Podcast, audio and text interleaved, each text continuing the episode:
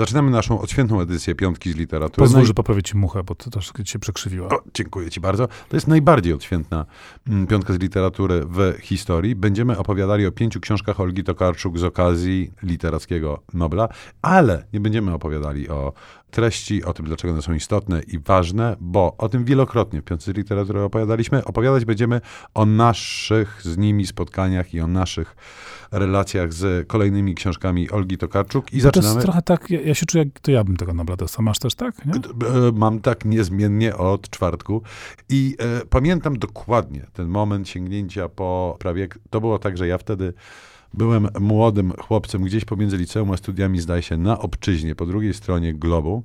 I tam jakaś polonijna organizacja prowadziła malutką biblioteczkę z polską literaturą w języku polskim i tam sięgnąłem po nieczytany wcześniej, to było rok po wydaniu polskim Prawiek i inne czasy. I pamiętam, zapłakałeś za że- ojczyzną? Zapukałem za ojczyzną, tak, tak, tak, tak, tak. Te wszystkie krysze wiejskie e, mi się zaczęły e, śnić. Natomiast pamiętam jak dziś, że to jest książka, którą przeczytałem za jednym posiedzeniem, co mi wbrew pozorom się tak często nie zdarza. Nie, bo to też w sumie trochę marnacja książki. Ja później sięgnąłem po Olgę Tokarczuk. To było już na jakichś studiach, czyli e, druga połowa lat 90. e, mocno zaangażowana. Ta książka już miała status bardzo ważnego współczesnego dzieła nowej fali polskiej literatury. I ja przyznam, że wtedy podchodziłem do polskiej literatury trochę jak pies do jeża. Na swoją obronę i wytłumaczenie mam to, że zaczytywałem się wtedy intensywnie w literaturze Ameryki Łacińskiej, która, co tu dużo mówić, jest całkiem spora całkiem ciekawa.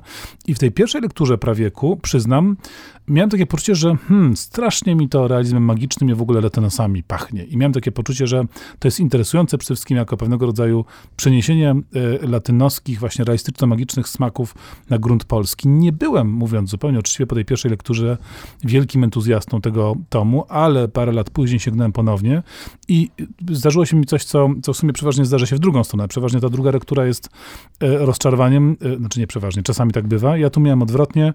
Dopiero druga lektura prawieku na spokojnie i może z większym namysłem sprawiła, że naprawdę doceniam tę książkę za taką jej kunsztowną domkniętość. Tam wszystko jest pięknie scalone, opowiedziane, spójne, precyzyjne. To rzeczywiście jest takie arcydzielnie wykonana literacka robota. Natomiast gra na wielu bębenkach dla mnie, nie wiem jak dla ciebie, była takim e, powtórnym odkryciem. To znaczy ja miałem jakąś chwilę przerwy w czytaniu e, Tokarczuk i pamiętam, że wróciłem do niej za e, sprawą gry na wielu e, bębenkach. Przeczytałem tę książkę, zachwyciłem się i później zachłannie e, zacząłem e, nadrabiać zaległości.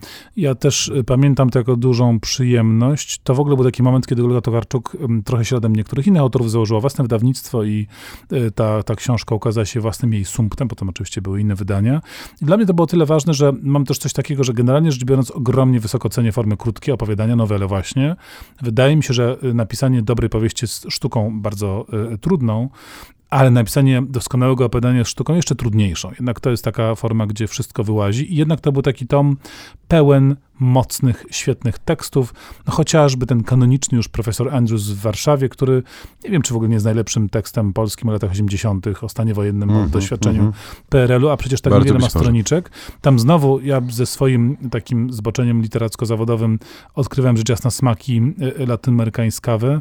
Przede wszystkim kortazarowskie, tam są takie opowiadania o wyraźnie fantastycznym smaku, ale to jest bardzo, bardzo interesujący i pełen różnorodnych, apetycznych kąsków y, tom. My do piątki e, Olgi Tokarczuk, do naszej osobistej, subiektywnej e, Olgi Tokarczuk i e, z jej książkami spotkań wrócimy po przerwie, e, a przerwa muzyczna to muzyka z filmu Pokot.